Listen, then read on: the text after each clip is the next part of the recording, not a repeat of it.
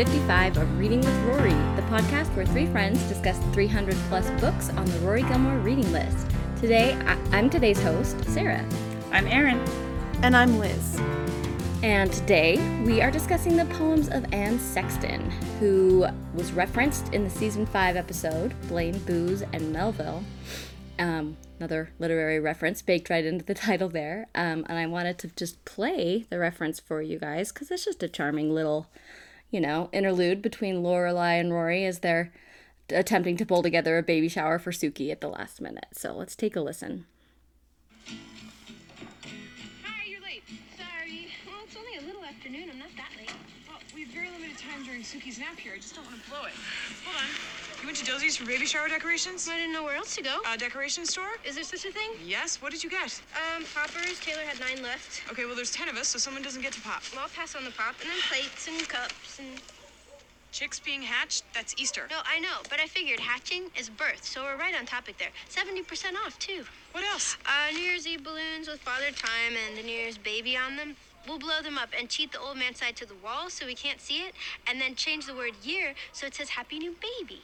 Oh, that's just sad. Hey, what's with the attitude? There's no attitude. You've been Anne Sexton since I pulled up. All right, I think I just left a little funny. All right, come on. All right, so So apparently it's just a mood. You're in a mood. you're you're in a you're in a grumpy mood, which apparently equates to Anne Sexton. You We're gonna- slept funny. We're gonna learn about that. I mean, I like Rory's ingenuity there, right? Happy new baby, it works. I think so. I'm gonna. I think I'm gonna start using. Oh no, I'm gonna. Oh, I'm. Never mind. I'm gonna save this until my thing at the end. Oh, okay. Teaser. I can't wait. You're gonna become a um, party planner like Rory. You're No. already a good party planner. all right, Y- you guys are gonna have to wait. No, I can't wait. I can't wait. right. All right. So all this talk of party planning, it's making me hungry. So let's talk food. What are we eating for Friday night dinner? Erin? Well, I am eating an apple with peanut butter. It's not terribly exciting, but what makes it even more exciting is that I have my lovely Diet A and W with me. Good work. Tr- trusty diet A and W. you need. It is just a great Sunday afternoon snack, guys. Yeah, yeah. Or when, which is when we're recording this. I would hope. You're, For Friday you- heaven dinner. forbid you have a Sunday, a Sunday afternoon snack for Friday night dinner on a Wednesday. You know, it would be a little confusing for everyone. um, Liz, what about you? What are you eating? I'm having leftover Indian food. Some, some you know, butter chicken, sag paneer. It's just like a little taste of it because you know most of it got eaten earlier, but this is the leftovers. It's pretty great. I'm pretty jealous. It does sound pretty great. Because yes, because I am having um, Cub Scout popcorn, as I call it, which is just normal popcorn. It's uh, salted caramel popcorn that I bought for a fundraiser for my nephew's Cub Scout troop. It's actually really tasty, and then a diet coke. So it's a Are those little- fundraisers still a thing? Well, they're mostly online, I think, but yes.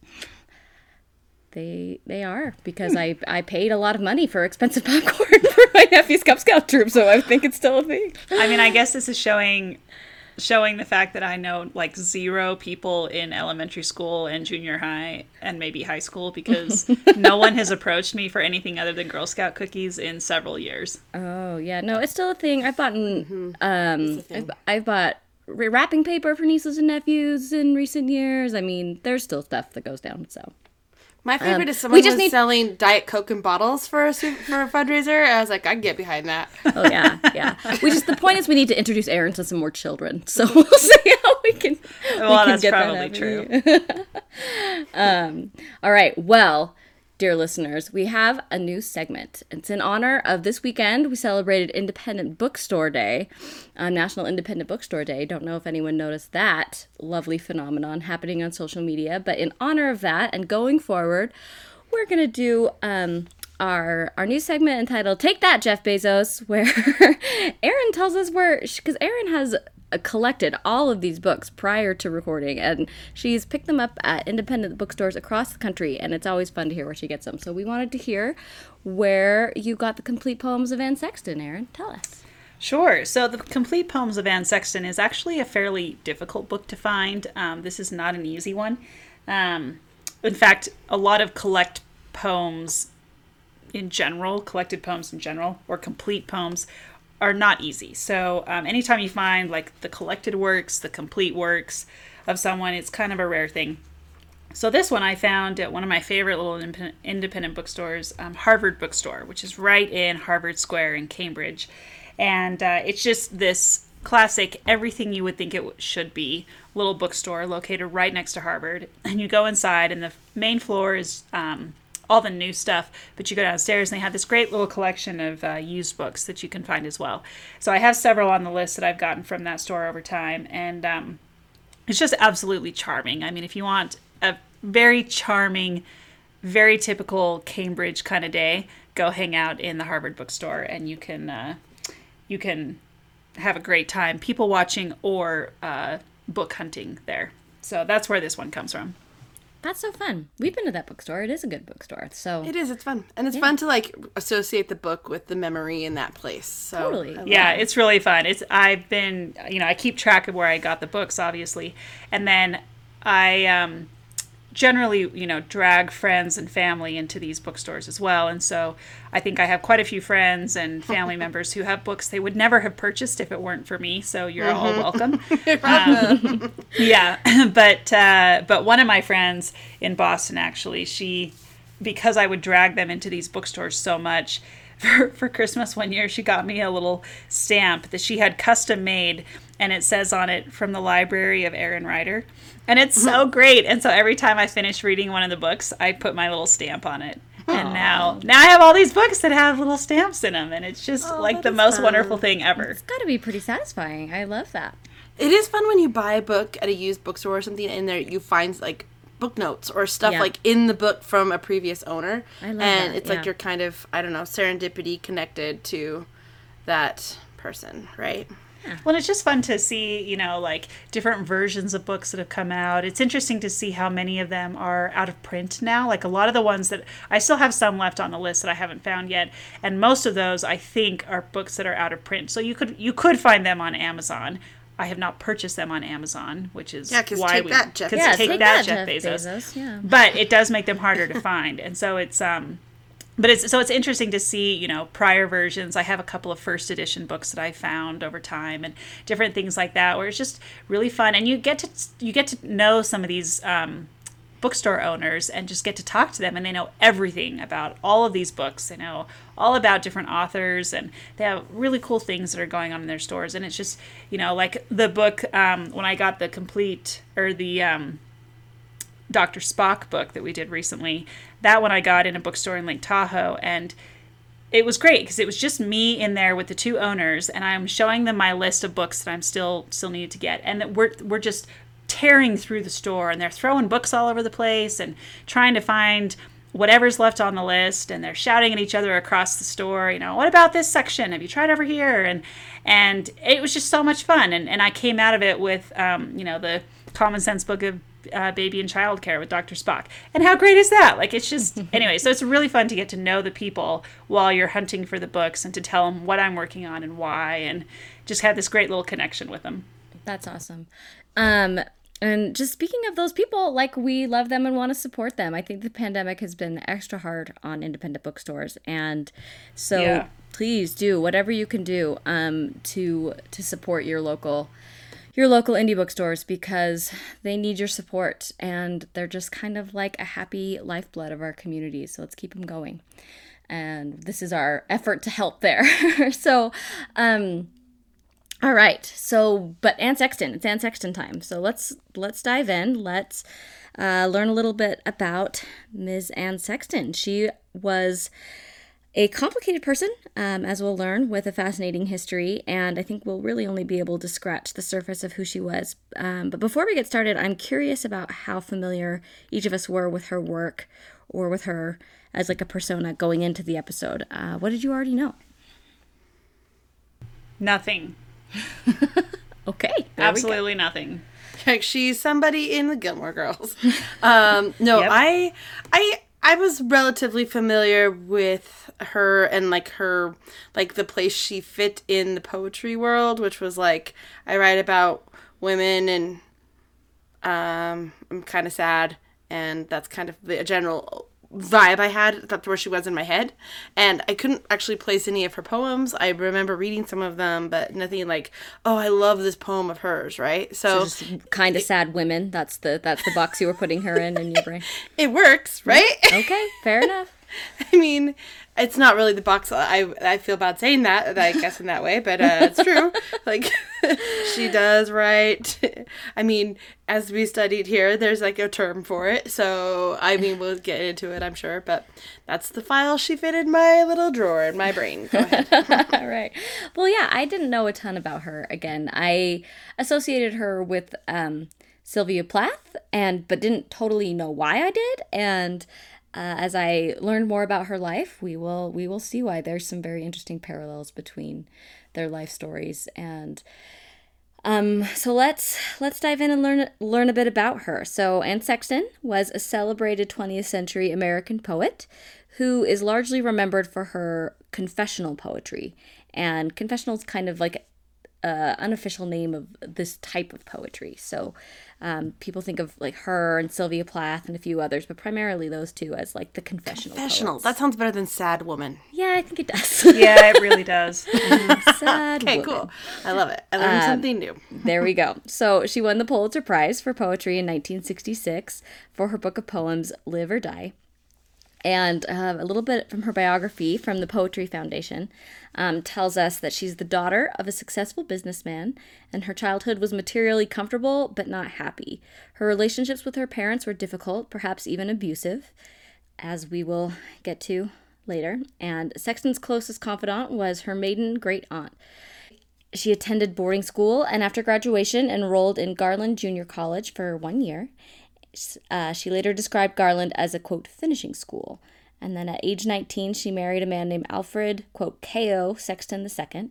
He went by Kayo. And while he was serving in Korea, Anne became a fashion model. So she's this really kind of 1950s prototypical, went to finishing school. She was a model. She was very, very beautiful um, and kind of like prototypically feminine, right?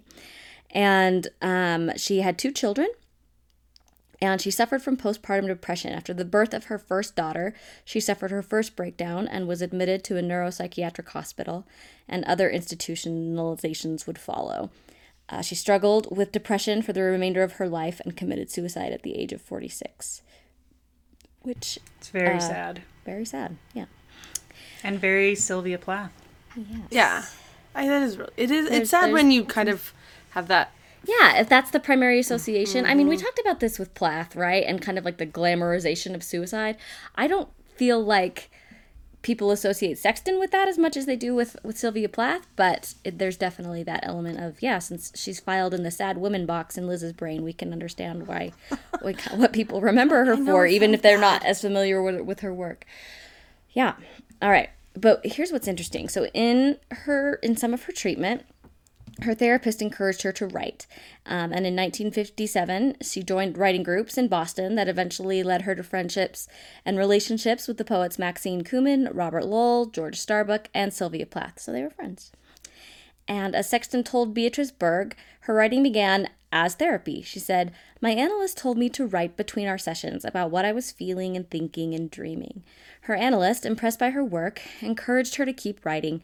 And then, as she told Berg, she saw on television I.A. Richards, who was a poet and literary critic, literary critic, describing the form of a sonnet, and I thought maybe I could do that.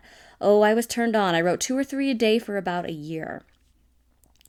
Um, and eventually, Sexton's poems about her psychiatric struggles were gathered into her first book, To Bedlam, and partway back in 1960.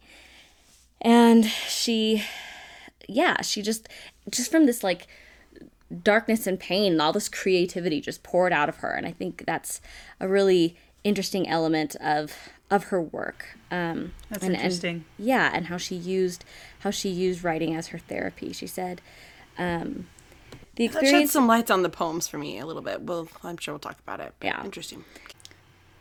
Um, question. So, did she go to? Because I I just learned this the other day, but apparently Bedlam was a hospital. Did you guys know this? yes, I did know this. Yes, it was Bethlehem Hospital, but they nicknamed it Bedlam. It Yeah. Okay. So I had no idea, but this is where the word Bedlam comes from. Mm-hmm. And because it just it was supposed to be like a psychiatric hospital, but I guess they they either didn't get very good funding or something happened and they just were not taking care of their patients very well. So it kind of devolved into this just like very chaotic um, institution and and then apparently they would allow people to like pay a fee to go like roam the halls and look at all of the crazy people Oh in my the gosh. hospital. Yeah, Uh, I did not know that. That's yeah, gross. so That's like gross. the upper class could pay a fee to basically go like watch the crazy people in the hospital. Like it was anyway, it was just a very like not good scenario on every level. And uh, but that's where Bedlam comes from. So I'm looking at this thinking, was she actually in Bedlam Hospital or is she using the word in the context we use it today? I think it's just in the context. It's in London, so I doubt she was there. Because I don't think she was living in London.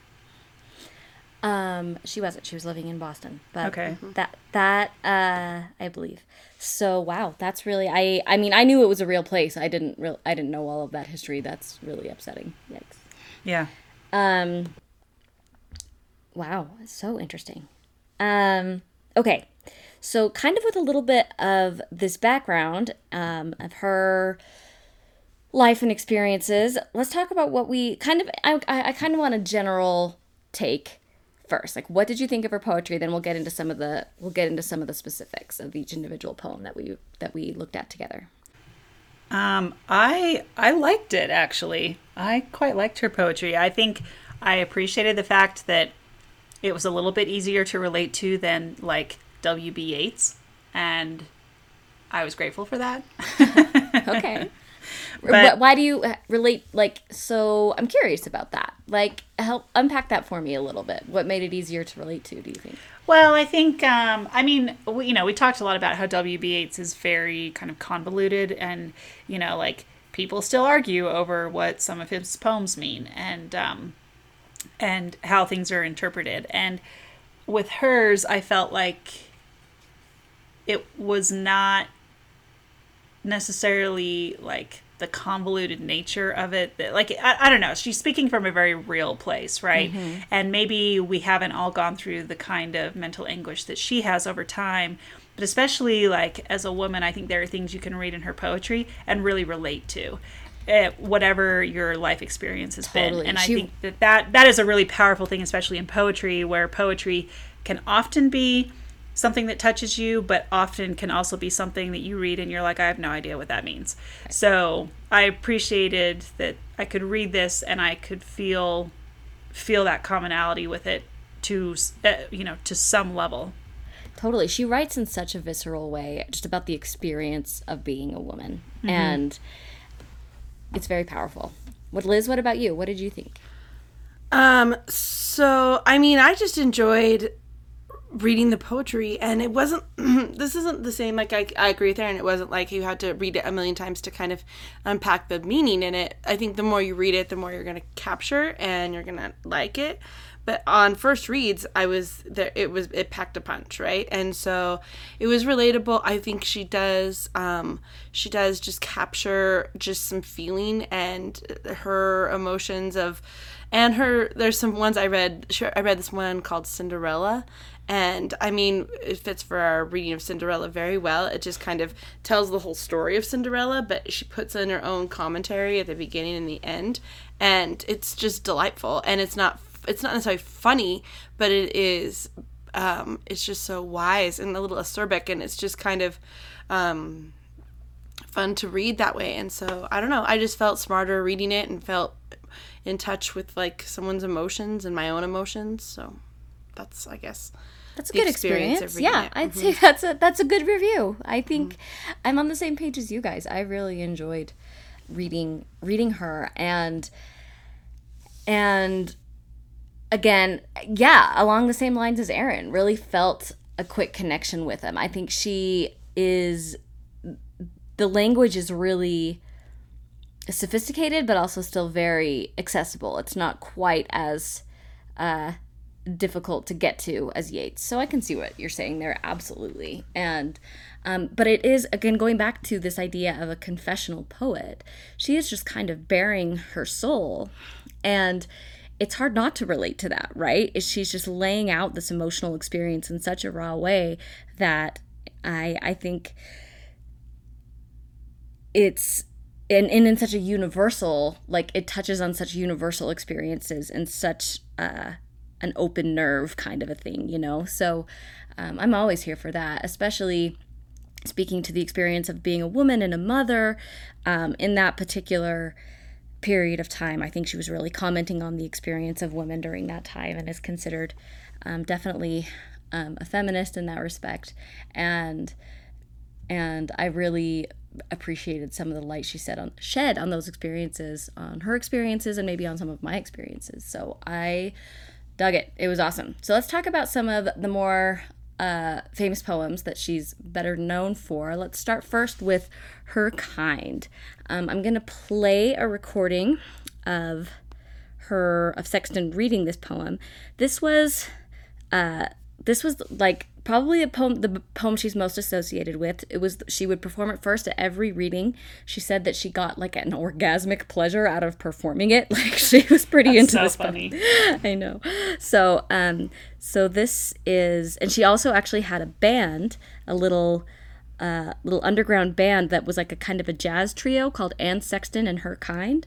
That she would, it was like her. I she love would it so much. I know she would perform. Are you gonna Are we gonna listen to her kind? um, Like not this, not this recording. I do have, I do have a recording of a performance that we'll listen to in a minute of a different poem. right, all right. But um, this is someone trying to, I think, create that experience by putting some jazz music a little bit in the background of just a straight up recording of her. Um, but yes, so okay, so here's Anne Sexton reading her kind.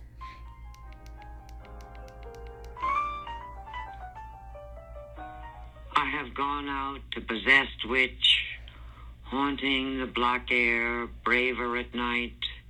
Dreaming evil, I have done my hitch over the plain houses, light by light. Lonely thing, twelve fingered, out of mind.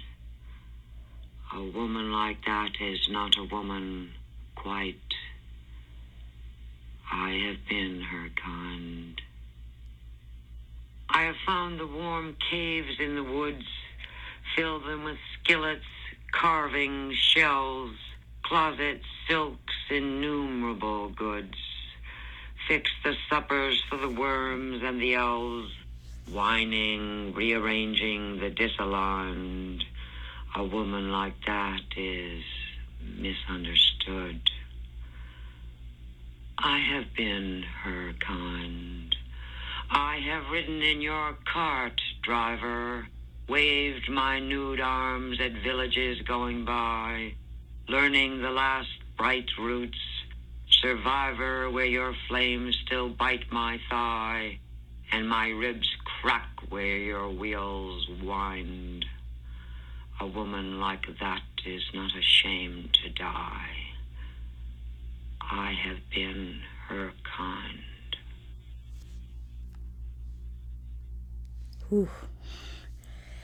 Um, I love the repetition so much in that poem. It just works so well. I know it's really, really powerful. It's so powerful. Let's let's break it down a little bit. What do you think like here's my experience with poetry. I think there's kind of like authorial intent, right? Like what do you think the author is legitimately trying to say? And then what is it that you got out of it? Like what were they saying? What how did it speak to you personally? And did it, any of that overlap? Um, I mean, what I get out of it is that she has that she, if she's speaking for herself or metaphorically for all women, right? Like the idea of this like this witch that she just doesn't fit in, right? Is that her intent that she just doesn't? But that also that women have a lot of different sides to them, maybe, right? Or there's paradoxes within people, and you can be the archetypal witch, literal, or you Yeah. can be the archetypal mother, or you can be the archetypal, you know, Joan of Arc. Saint? Yeah, she the the last stanza is a reference to Joan of Arc. Um um speaking of authorial intent. So I do think it's so this one is less like as we talked about her confessional poetry. I don't think this is speaking to her personal experience. I mean it is. I think it also it's talking about her maybe alienation that she felt around her experience as a mother and um and that's not something I necessarily relate to, not having children myself, but I I do think the archetypal stuff that you that you talk about Liz right where she frames it as a witch and she kind of creates these images of going into the caves and and you know and like getting all the stuff and putting things together like like making a home in the caves kind of a thing what uh speaks to kind of this traditional image of a woman Right. and But I like how she's all three of those women, right? It's not like you're just one and that's it, right? It's a, I love the idea that you can be all three. She does. It sort of felt like, um, the there was it was like a fairy tale, but not a fairy tale, right?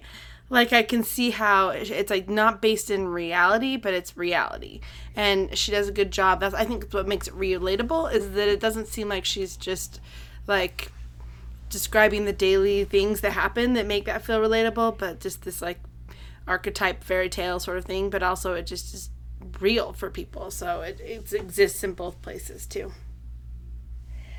Um, so this is what um, Wikipedia tells us about the poem, as far as uh, yeah. So it um, so the poem describes a witch in the night, then describes her as an unconventional housewife, and concludes with reference to Carl Dreyer's *The Passion of Joan of Arc*. The refrain parodies popular advertising techniques of the 1960s, specifically capitalist "This is your wife" campaigns that reduced women to mere performers of a multitude of perfected social roles, which I thought was really, really interesting, right? Like this, like a woman like that, I have been her kind, like is it's kind of this this inversion of kind of this commodification of this is your wife and I don't know I thought I don't know enough about that particular ad campaign but I can picture it certainly and I can um, I can imagine what she's trying to comment on there um, and I do like that it kind of starts with this image from of the witch and carries the witch through these other these other images as the housewife, as Joan of Arc, who was, as we know, burned at the stake like a witch. I don't think she was accused of witchcraft, was she? I don't. I'm not up on every detail of my Joan of Arc, but, um, but she was burned as as we know. You know, other witches were burned, but I then thought she was accused of witchcraft. That that was part of her story. I think so. She she did talk about how she had visions and things. So yeah, that would make sense. Um, so, but then you know, as we know, in later years, would be would go on to be named a saint, right? So it's it's such an interesting notion of or commentary on what all these different roles that women play in the in this in in the scope of time in the scope of of like myth and every I don't know I just think it's just so powerful and kind of funny and kind of haunting and it's just really really well done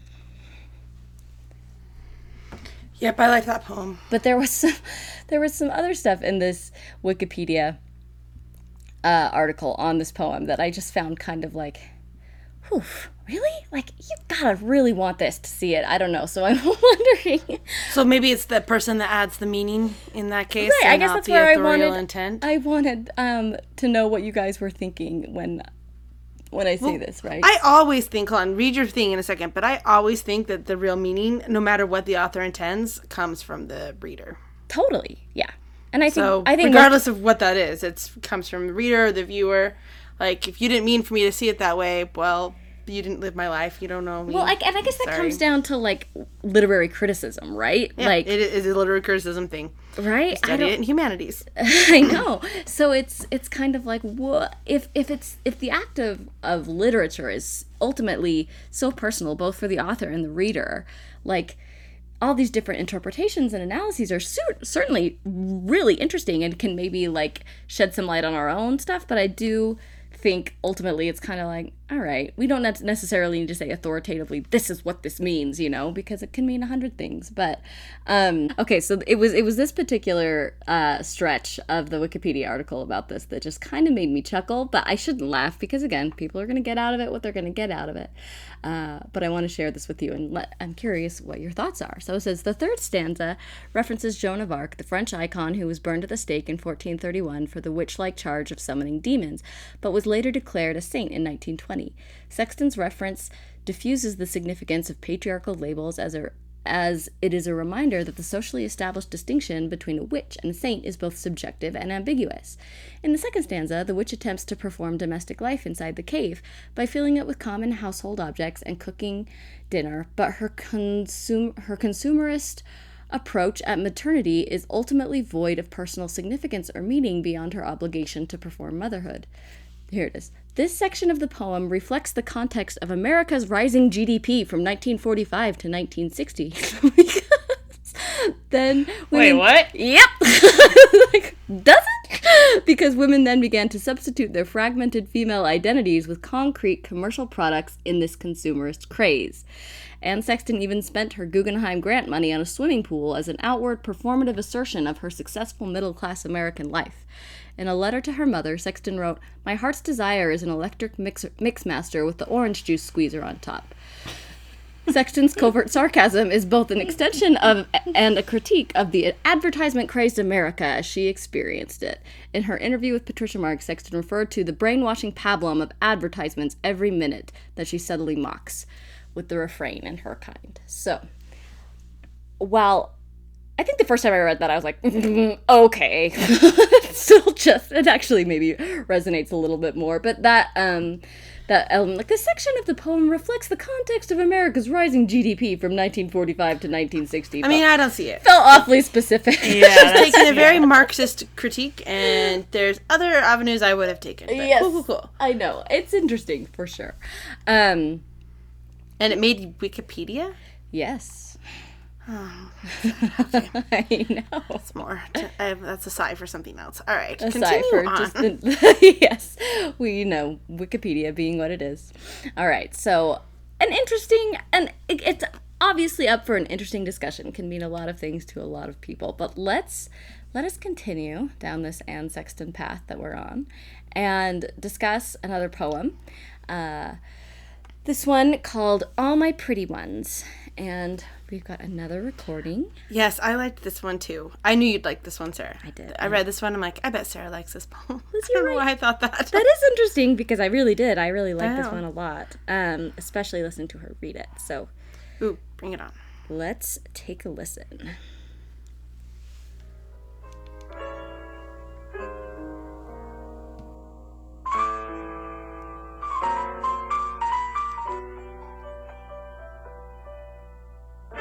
My pretty ones. Father, this year's jinx rides us apart where you followed our mother to her cold slumber. A second shock boiling its stone to your heart, leaving me here to shuffle and disencumber you from the residence you could not afford. A gold key, your half of a woolen mill, twenty suits from Dunn's, an English Ford the love and legal verbiage of another will. Boxes of pictures of people I do not know. I touch their cardboard faces. They must go. But the eyes as thick as wood in this album hold me. I stop here, where a small boy waits in a ruffled dress for someone to come. For this soldier who holds his bugle like a toy or for this velvet lady who cannot smile. Is this your father's father? This Commodore in a mailman's suit? My father, time, meanwhile, has made it unimportant who you are looking for. I'll never know what these faces are all about. I lock them into their book and throw them out. This is the yellow scrapbook that you began the year I was born as crackling now and wrinkly as tobacco leaves. Clippings where Hoover outran the Democrats, wiggling his dry finger at me and prohibition. News where the Hindenburg went down, and recent years where you went flush on war. This year, solvent but sick, you meant to marry that pretty widow in a one month rush. But before you had that second chance, I cried on your fat shoulder. Three days later, you died. These are the snapshots of marriage stopped in places. Side by side at the rail toward Nassau now, here, with a winner's cup at the speedboat races. Here, by our kennel of dogs with their pink eyes, running like showbred pigs in their chain link pen. Here, at the horse show where my sister wins the prize, and here, standing like a duke among groups of men.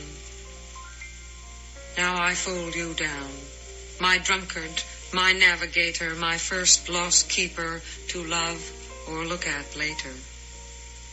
I hold a five year diary that my mother kept for three years, telling all she does not say of your alcoholic tendency. You overslept, she writes. My God, Father, each Christmas day with your blood will I drink down your glass of wine. The diary of your hurly-burly years goes to my shelf to wait for my age to pass. Only in this hoarded span will love persevere. Whether you are pretty or not, I outlive you. Bend down my strange face to yours and forgive you.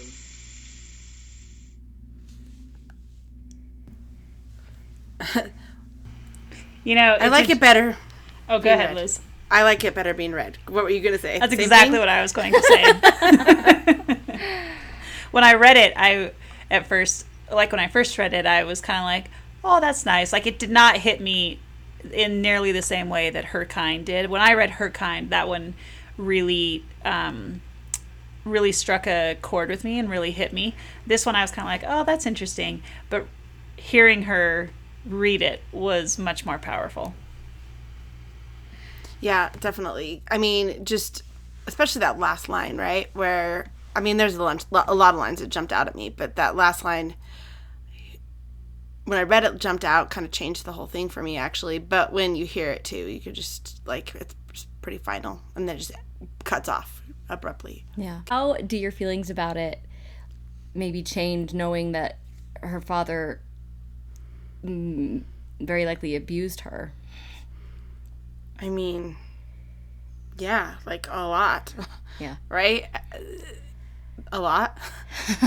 Okay. I mean, you don't like when you read it. You clearly know she has something, some something, some issues with her father, right? And when you said this was like a way of her mm-hmm. being in therapy, I can see that, right? She's Absolutely. kind of working through something, right? And you can see that in the poem as she decides what to throw away and what to keep. And the thing that she decides to keep is the diary where her mom is like documenting what his alcoholic three years are like, right? That's what she decides to keep and not the other memories of him. Yikes, right? But Yeah. um but then I think the ultimate goal of therapy or to, you know, to to find to find peace and whether if you forgive someone or not, but to not hold on to that anger towards your father. But uh wow, I mean if he abused her, that's harder to forgive. I mean in my mind, right? Like knowing what it actually is makes it I don't brr. I don't know if I want to know that. Sure. Yeah. Yeah. I mean, it's a very raw poem, right? Like you, mm-hmm. and you can hear. I think that's why I like it being read because I think you hear some of the emotion better than when you're bringing your own context to it. Like, and again, I think this works. This is almost this is working in the same way as her kind, but in almost antithetical ways. Because with her kind, my own experience brings much more power to that poem. But in this case, because I haven't necessarily had the same kind of experience she has, mm-hmm. it doesn't carry the same weight when I read it. But when I hear her read it, it brings a lot more power to it because I'm hearing her, her voice through it, not my own. Mm-hmm. I feel like I shouldn't be hearing it. I feel like it's just too personal, and why don't I? I that's that's, personal information. Like I do not need to know this, right? Like it just seems so, just uh, personal and intimate to know about to know that about a person. I don't know. I think she was largely, and I mean less so for poems like this, and more like ones we'll get into in a minute, but um, really criticized by like the maybe establishment literary set at the time for being for being too personal. That her work lacked sophistication because it was it was so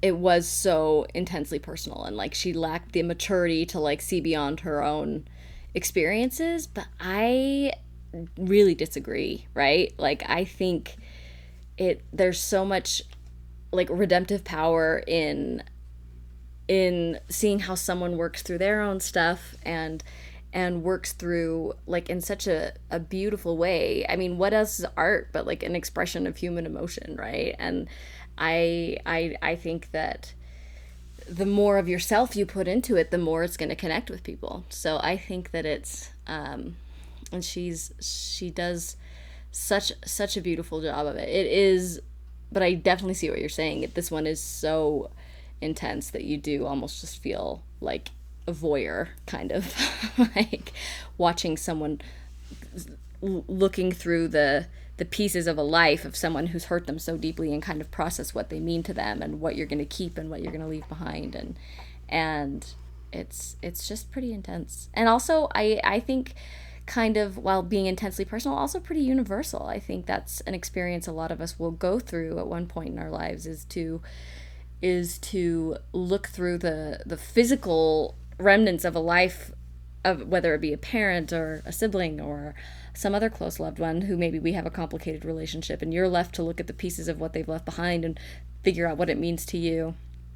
And and that that that's an intense thing. That's um yeah so i think that we can look to something like this to kind of maybe help organize our own thoughts there and and to me that's a signal of of something great not something immature Yeah, no, I I wouldn't say it's immature. That's not Yeah, what I, no, I would not at never all. No, that's- yeah, that I wouldn't wouldn't- be how I label that. But I people so that is a criticism of hers that she she's immature. Um, so in one book uh, discussing her poetry, uh, it was written in the 80s and it was called Writing Like a Woman. Uh, it was written by uh, a woman named Alicia Ost- Ostriker. Uh, I apologize if I'm mispronouncing that. Um, but she writes about Sexton and kind of how she was received, uh, and which is where I'm kind of informing that analysis, right? She says Anne Sexton is the easiest poet in the world to condescend to. Critics get in line for the pleasure of filing her under N for narcissist and announcing that she lacks reticence. A recent example. Um, so this is from a you know a critic saying she indulges in self-revelation without stint, telling all in an expose of her innermost workings that amounts to literary seppuku, which isn't seppuku like some sort of self harm, right? Um, the critic wonders whether, quote, such messy preoccupations will remain to stain the linen of the culture for long, or whether good taste bleaches out even the most stubborn stain eventually. Um, just, I mean, that's really harsh. I mean, this seems like someone with like an axe to grind, right? Not, I mean, not an axe to grind, but just like they're looking for something to nitpick about her, about her, right? I don't know. yeah, this is the this work goes on to say, in letters as in life, to expose a personal fragility is to invite attack. Cruelty and contempt follow vulnerability, just as respect follows snobbishness. It is a law of human nature. Having been on both sides of this reflex, I suspect that the sneer derives from fear, a fear of being stung into imaginative sympathy, and and sex. Yeah, I know. Ouch, right? And and in Anne Sexton's case, I suspect that the fear is threefold. Um, and it goes on from there. But uh, which I think it kind of sums up, right? Like it doesn't specifically use the term immature, but that's kind of how I read that, right? Like she's yeah. she's not aiming at something higher than talking about just herself. Ugh, you know what I mean? Okay. And, get it. And I think that there's a lot to be learned from someone's like obviously from ourselves or from her as an exercise in therapy, but from us in reading that work, like we can get a lot out of that too. Right. Yeah. Interesting. right um and and i think that that's something that is uh has been a common refrain among critics of of female artists whether they're poets whether they're songwriters um but i want to uh, I, I think that I think that as women kind of talk about their feelings a lot, that's something that like, you know, maybe Yeah. is is It's more of a like a sexist. yeah. I think that's the point. Yep. It's more of a sexist uh, critique, right? To oh, how dare they just talk about their feelings? Like yeah. they don't have anything else important to say. right. Which I mean, that's a I think just uh you know a closed-minded view to look at that. But I mean, as someone who doesn't always want to like reveal everything they're thinking through what they write, right? Like that doesn't mean like I think that actually takes more bravery for someone to let some people let the whole world into your you know therapy Takes sessions. So much bravery. Yeah. Holy cow, right? Yep. Like I respect people when they do that. Like you're inviting that criticism for something so deeply personal. Like what that doesn't that seems brave, not mi- immature to me. I agree. I do want to go into so we've kind of like done a progression here where we started with her kind, which is more of like a broad commentary, almost like uh less personal, right? Going into something that's more emotional. But a lot of her poems also dealt with the physical, right? And just like the physical experience of like inhabiting a woman's body. And they could get pretty like what was the one like uh, something in something of my uterus? What's that one? I was like in praise of my uterus. Uh, yeah. Find it. Which is great. Like it was great. It was sad. It was actually kind in of celebration of my uterus. That's what Mm-hmm. it's called. Um, yes, and and we're going to well, maybe not sad, but it was interesting. right. Like she she wrote about um, menstruation. She wrote about just again like these these topics that are going to make mostly men pretty uncomfortable. I think well, I guess they don't relate to the uterus. I guess so. I I guess so. And I mean that's there's something interesting to that, right? Like to say like there's one thing to say I don't relate to this as opposed to say that this is not good art. Like you, there's something that this just doesn't speak to me as opposed to this is bad. And I think that there was a lot of of, of reaction to that. And I think there is so much sexism bound up in there. But we are um we are going to listen to uh, one more uh, poem of hers, and this one is a performance of Anne Sexton and her kind. So yay! Woohoo! okay. Uh, okay. Yes, and it's it's uh, it's a performance of a poem called "Woman with Girdle." So Do we need to define what a girdle is for those who, you know, may not know? Maybe that's a there's some men out there who don't know what a girdle Well, is. in the modern world, it's called Spanx, but call it whatever you want. and- or like a corset. It's that it's something that holds um, a woman's body into a certain uh, form, shall we say? So, um, and they're so uncomfortable. yes, they Should are. we just talk about that? talk about how uncomfortable Spanx are. Yes. well, or any sort of like shapewear, right? Like that is not comfortable. If you have to spend any long period of time in any form of shapewear, it's not. No, it's not a great experience. It's not a great experience. There's a reason why people are excited not to wear bras at the end of the day. Too much information? Okay. We're Read about the to go poem. all on Sexton on you. Read the poem. All right, so here is Anne Sexton giving a pretty visceral performance of this poem that tells us pretty viscerally what it's like to wear a girdle. So here we go. Your midriff sags toward your knees. Your breasts lie down in air. Their nipples as uninvolved as warm starfish.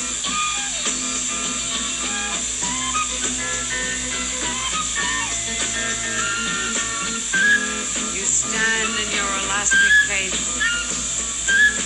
still not giving up the newborn and the old-born cycle. Moving, you roll down the garment, down that pink snapper and border. As your belly soft as pudding slops into the empty space. Down over the surgeon's careful mark. Down over hips, those head cushions and mouth cushions. Slow motion like a rolling pin. Over crisp hairs, that amazing feel that hides your genius from your patron. over thighs, thick as young pigs, over knees like saucers, over calves, polished as leather, down toward.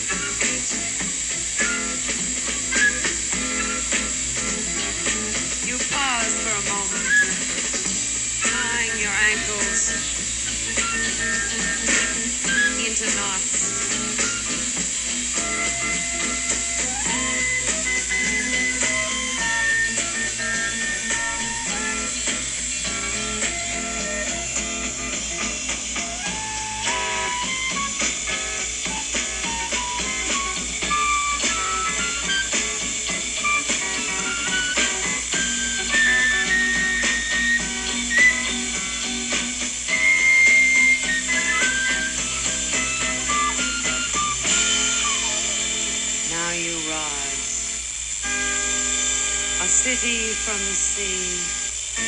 Born long before Alexandria, straightway from God. You have come into your redeeming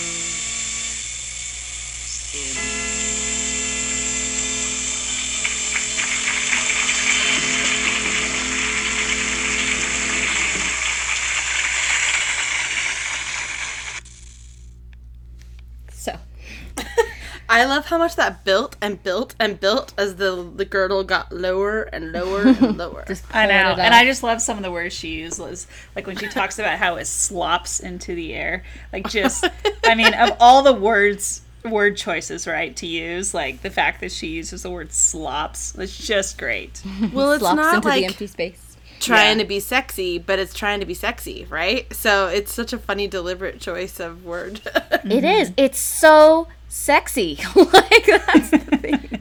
and it is, but it's just so real and like liberating and like you can just like feel the sense of of liberation, right? It's very it's very like almost like tangible. It really is. I yeah, it's just the this one I just really loved her her word choices the the whole way through. You know, talking about your belly soft as pudding and you know, slow motion like a rolling pin and just like, you know, I, I just you know, over knees like saucers. I mean, she just no holds barred here. yeah, no, it was some barred. good. It was some really good figurative language to help really, like, evict, like create this like image in your head, right, of what this woman looks like, or all women look like. Because let's be honest, like this isn't like when you picture someone doing kind of a little striptease. This isn't how you picture them, right? Their belly flop slopping Yeah, this into is the not- empty space.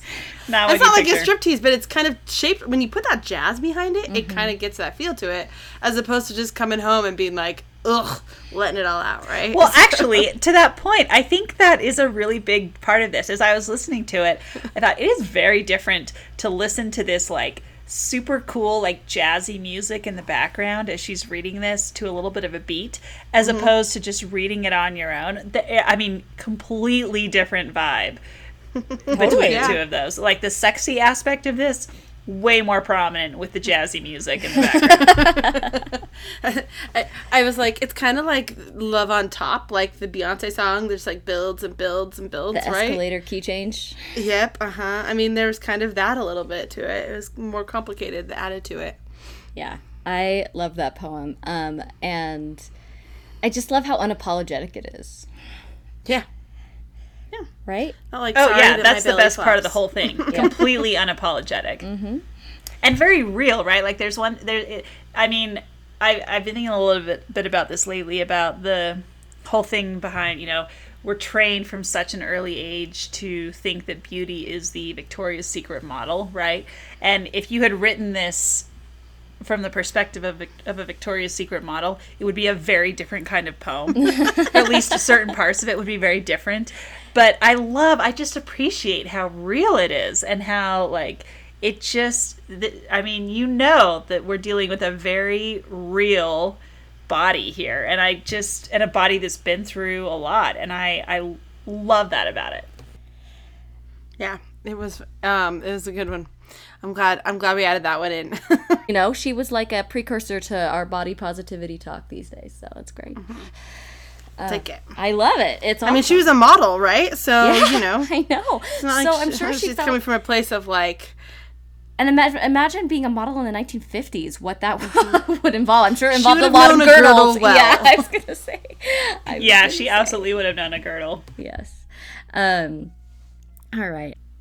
Okay, so going from from this into our into our pop culture conversation, I feel like there's a lot of fertile ground we could cover um, as as we talk about uh, Any of her poems? any of her poems or so as i was thinking about her and i did some research on you know her pop cultural impact and and to see other places or other artists that have referenced her or inspired by her or um, other, other things that may reference her and we'll get to that um, but i was just thinking about female artists today that kind of represent that same sort of confessional vibe i think that's eh, that's a a big part of our conversation around women in art these days and um, and I will admit the the person who most who most obviously came to mind as I was reading all about her. oh, I know where it's going. I know where it's going. I'm sure you do. Uh, her Didn't we experience. just talk about this two weeks ago? what? We talked about her two episodes ago, right? Did we? You're going to Taylor Swift, right? I am going with Taylor Swift. All right, let's hear it. I want to hear it. okay. um, I don't I don't remember us talking about her two episodes ago. Did we? Didn't we? We talked about how she had a new album that came out, and I think we mentioned it briefly. And yeah, it wasn't like a full. It- yeah, it wasn't a discussion about Taylor Swift as opposed to just like a conversation that she had a new album out. Okay. Okay. Well, Let's I um Let's hear. I have been listening to that album and I enjoy it and um and reading um about, you know, I am guilty of participating in the Taylor Swift industrial complex as, as far as the cottage industry of articles that come up about her. I read a lot of them and cuz I do think she's kind of an interesting public persona, but not in the sense of like her tabloid persona. I don't care about her relationships, but I just think she's a really interesting public figure having like But her tabloid persona is where the confessional stuff sort of comes into play. Like we all of a sudden try and associate her songs to like what we know about her, right? I think that's definitely part of it. I um I do think that especially when she was younger, um she was less so less so now she's like matured a bit. Um but as she was younger and like a teenage girl slash a girl in her early 20s who's super famous and experiencing all these things on a on under a global spotlight and this is her way of of processing them and um, through her through her songs and people I think made fun of her a lot and I think unfairly so. I'm not going to come out and say that like she's the world's most sophisticated songwriter. I do think she's actually really talented and and has this unique ability to to express herself in ways that does really connect with a large amount of people and and write a good like catchy pop hook like there's not a lot of people that can like express themselves so intimately and so personally. And whether what she's feeling runs as you know still waters run deep. I don't know if they run as deep in her as they do in anne sexton. I'm not saying that she's a great poet like anne sexton but i do think that she is that she has a gift for expressing her feelings in a way that connects with a lot, a lot, a lot of young women, and people give her a lot of crap about that. And I do think there's that same kind of sexist background to it. I was wondering if. Um, Shoot, I'm guilty. I give her crap. Does that make me sexist? Yeah. so, I mean, confessional here. I'm not a Taylor Swift fan. I mean, I like some of her music, but I just I can't buy into the hype. I really can't. I really really struggle with that. And I have wondered on many occasions if that's a me issue as opposed to a Taylor Swift issue, but I just I don't understand how people are like, "Wow, she's just this like musical genius and this like lyrical genius." I, I have a very hard time buying into that. So I'm I'm waiting, Sarah, for you to convince me that I am wrong about this. all right, well, I'm not going to because I'm not trying to. Um, I I'm don't willing to be proven I was like, I don't, I, I, I don't care if you like Taylor Well, Swift no, or not, but I right? do think the more you kind of like examine, I don't know, because we've had Sarah and I've had some conversations. She has to like, you know, kind of talked me into liking some of her songs a little bit. Like the more I'm like, oh, okay, I get some like in context or perspective. But sometimes the more context you give me about the song or the her life, I like it better. And sometimes the- I like it worse. It's not so even I don't the, really the know context. I don't care I about the context. I think that people don't take her seriously because she is a privileged, pretty blonde girl, and I I think that people don't think that girls like that can produce something great. And I think there's a lot of personal biases that come into absorbing her work. Mm. And that's a big part of the discussion. I don't care if people like it. I like it. I think it's fun. Yeah.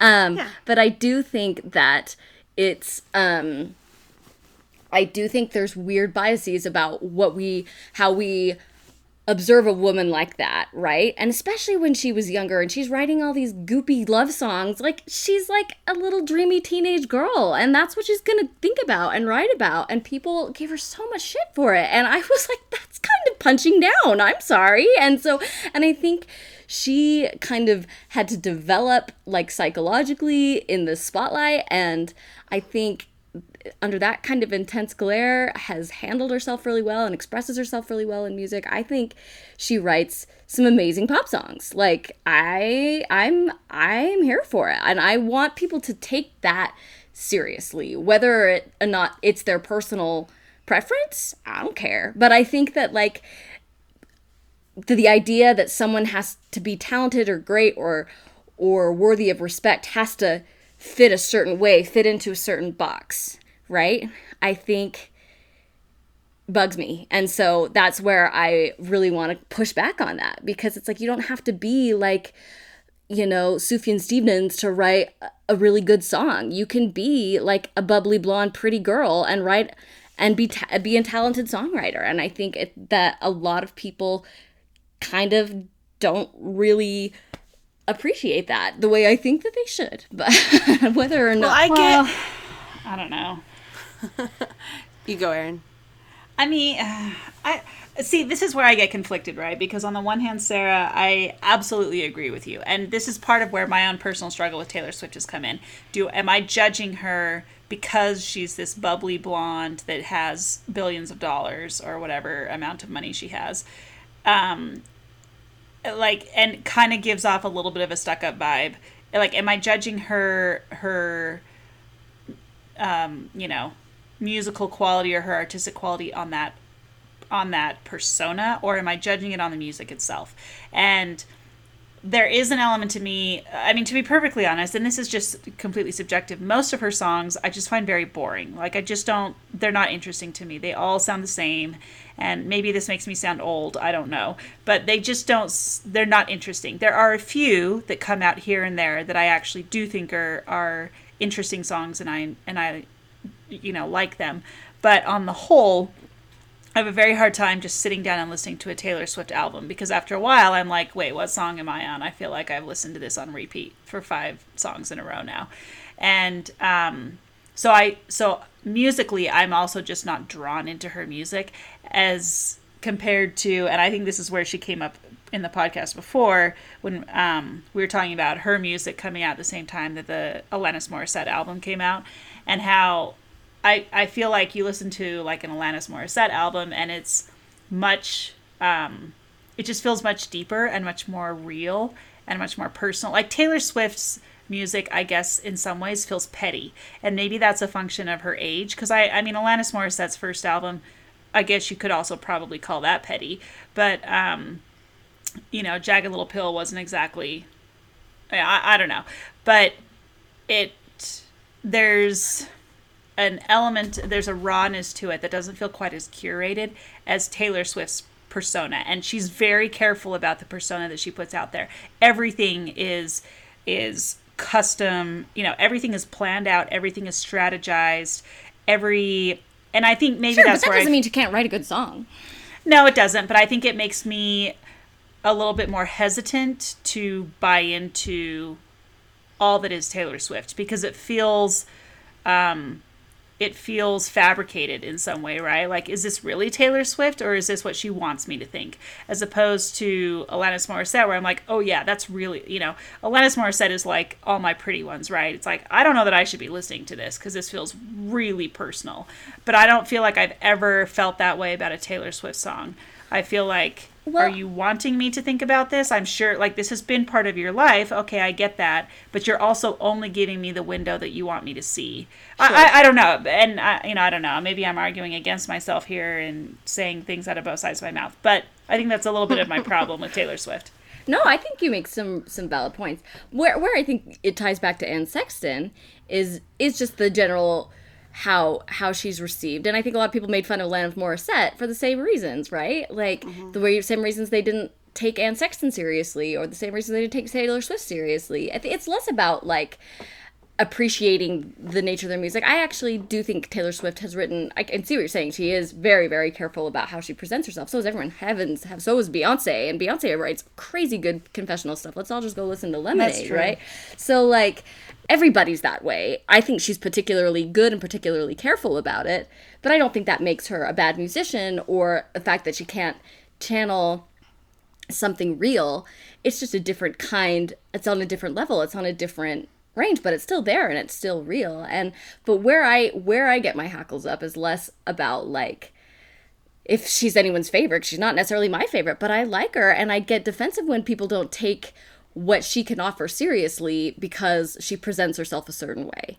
And I think that ultimately comes back to like sexist programming a little bit, right? Like what we read as as real authentic art versus like pop music is still art to produce a good pop song just because it maybe isn't like their guitars like as opposed to other stuff you know? I don't know. I just think that the the the signals we take for authenticity are ultimately artificial and it's it's it's what it makes you feel. So it's like if it's if it's heavily produced if it's like something that makes you want to get up and dance like that eh, but it's coming from a personal place that's great. But i do ultimately think people respond to her and not take her seriously in the same because she's this young confessional girl in the same way that Anne Sexton was. It's different levels of skill and different levels of emotions, but it's the same it's the same thing. It's the same song in a different key, you know what I mean? Well, my my my take on it is regardless of who I mean, I see I, I agree with that you you know we, we it'd be interesting to examine why she hasn't taken seriously in some but she's taken very seriously in some quarters right there's people who take it so seriously that they've like try to insert like whole biographical stories into each one of her songs right so for me when i listen to like there's so many different um, But that's like little teenage girls that do that because they just take her seriously, right? well no but i'm that grew okay, up with her sure. and that maybe are But- yeah.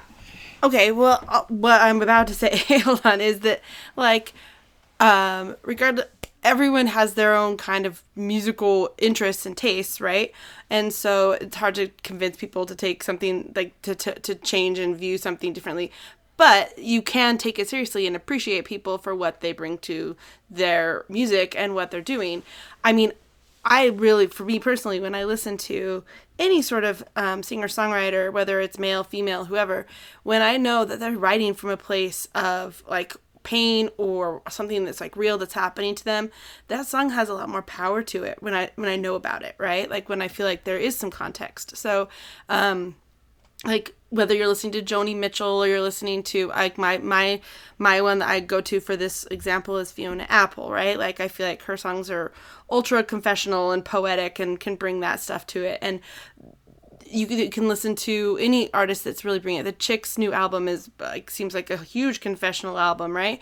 So I just think there's example after example, but to me that resonates. And if it doesn't for certain people, that that is something to examine. Like why why do people not take what someone's feelings are, are seriously? And we said that with Anne Sexton too, right?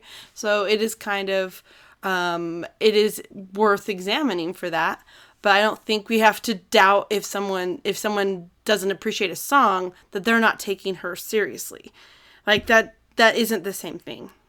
Um, it's interesting. It's interesting and it's complicated.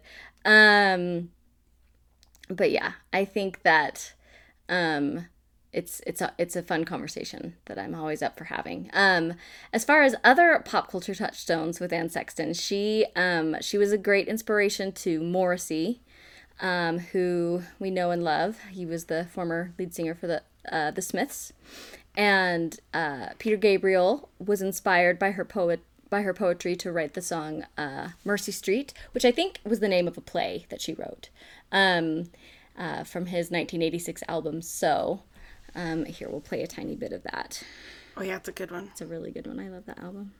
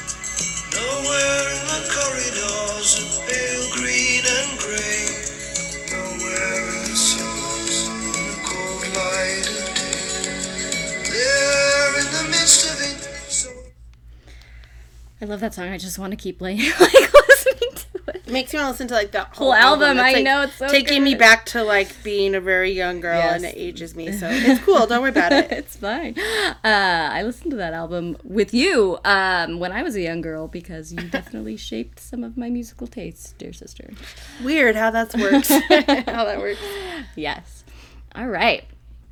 So, um, oh man, I feel like there is so much we didn't even get to that I wanted to get to, but it's I I I I'm happy with with our discussion. But let's move into our favorite segment. Um, which is what we are inspired to do now that we have finished reading Anne Sexton. I am very curious to hear what Erin is going know. to say. Erin, I know now it's it's not even really going to be that exciting, but um, because I had something else I was going to say, and then um, when we were talking about the Gilmore Girls quote, I thought I'm going to start using that as an adjective, and start uh, when people are acting moody and like Lorelai Gilmore Gilmore was. I'm going to start calling them Anne Sexton, and no one's going to get it. no one's gonna get it. No one's going to get it, but I'm going to think it's hilarious. And when I find someone who does get it, we're going to be instant kindred spirits. Well, I think that's very Gilmore Girls esque. I don't think a lot of people necessarily were operating at their level. You know what I mean? No, I, I fully. We're I- and this speaking is probably going to be very short lived, but because I'll probably forget about it to be perfectly honest. But I think it would be very fun. There you go. Well, with any references, it's fun to just, like if people don't get it, you're like, okay, cool, I get where you come from, so I get it. But when they do get it, you're like, yes. It's fun when people speak your language, right? Mm-hmm. Liz, what about you? So, I mean, one of the things that uh, inspired me as I was reading it is there are multiple poems where there was a lot of like par- dual paradoxes going on, right? Where she kind of shows one thing and explores another thing, and maybe it's because I'm back at work, I'm teaching school again, and I'm having to wear like different, you know, hats and faces. Um, there is it's just kind of weird when like you have to be in a bad mood or when you're in a bad mood or like you are just tired and then you have to stand up in front of a whole bunch of people and like just be happy and you can't like be in a bad mood so um i guess my point is is um i see myself having these paradoxes sometimes where like different faces and maybe it's being two-faced i don't know i don't see it that way. I see it more complexity like anne sexton does i suppose. Um i'm gonna like label these places for myself like and i'm her kind and i'm gonna be able to identify it like what different personas i'm portraying at that moment and kind of uh, unpack that a little bit more. I don't know what it's actually going to lead to, but Well, I'm not gonna lie, that kind of went over my head, but I'm excited to see how, um, how it manifests itself. sorry. Um, I just feel like I have layers. Like we all don't, but you know what I mean. Like these poetry, it brought out a lot of layers in her that I could see, and about women. And I was like, yeah, we are, we're layered, and I just want to explore some of my Want to layers. explore some of your All layers. I'm I love all it. I'm hearing in my head is like Shrek's thing about being an onion. I know. well, it's a good analogy. There you go. I like it. Right. Well, I guess. Um, Liz is going to explore her layers like an onion. I love it. Um, I was really inspired in the sense of like that her poetry started as a a reaction to like healing and um, from her pain and and as a form of therapy right? Like that this that this great that that that she kind of looked at what some other artists were doing and were like I could do that. And like and used it to channel her own feelings and work through her own feelings and as her own therapy and just discovered that she had this great talent. And um that was l- quite literally very inspiring to me. So i've been just the, That's a good the one. last That's a yeah good the last couple of weeks i've been having a really hard time um navigating some mental health waters in this horrible time in which we live. And i'm sure that's more a part of it than anything else but you know there's always kind of like the low key hum in the back of my brain that's that is mental health issues and and a major depressive disorder. So i think actually trying to channel some of that into not just journal writing which i do often but like trying to, to craft it into an art form um, i think um, I'm, uh, i have been playing around with that a little bit. I'm excited to keep doing it. I um, not to say that I have this great literary career in front of me like Anne Sexton discovered, but I do think that it's very uh, inspiring to to to take that pain and not just like write it write it down like in a documentary way, but to like use it to create. And so that's what I was inspired to do for sure. Well, I also think, Sarah, I love that idea. I, I love it so much. If you were to really write it with the idea that it was going to become commercially successful, it would a thousand percent alter what you write. Yeah. Oh, for sure. So I do think for authenticity's sake, or if you're actually doing it to like heal in any way, it you have to almost do it with that vacuum of an audience, not like this is going to make me famous. No, yeah, and I'm not. I wouldn't. You, that's not my mo, right? But I know, of course not. I know, I know. I'm just saying, changes things a bit. right like but i do think it does come back that's just the an we could just keep talking about like authenticity and art for hours and i'd be so happy mm-hmm. but anyways we can't it's time to go it Taylor Swift? And whoever right but i do think i do think it's just so ah, fascinating what does what does authenticity look like who gets to decide what's authentic and what's not i just think it's fascinating anyways um all right but for another day, I suppose. time time to wrap this one up. Um, we're wondering have our listeners read much of Anne, Anne Sexton's poetry? Please chime in. Let us know what you think. Start a conversation with us on Twitter or Instagram and Facebook at Reading with Rory, or find us on our website at readingwithrory.com. You can also follow us on Spotify for playlists inspired by the books we read. One, spoiler alert, it's going to be good. I'm excited. also, please don't forget to leave us a review. And we um, we would really appreciate it. We love feedback, and we love to find new listeners. And reviews help us do both. So, so let us know how we're doing. And next time on the show, we'll be discussing a spiritual ancestor of the Gilmore Girls, um, one and only Dorothy Parker. So we cannot wait. We hope you'll join us. Thank you so much for listening and reading along, and we will catch you next time.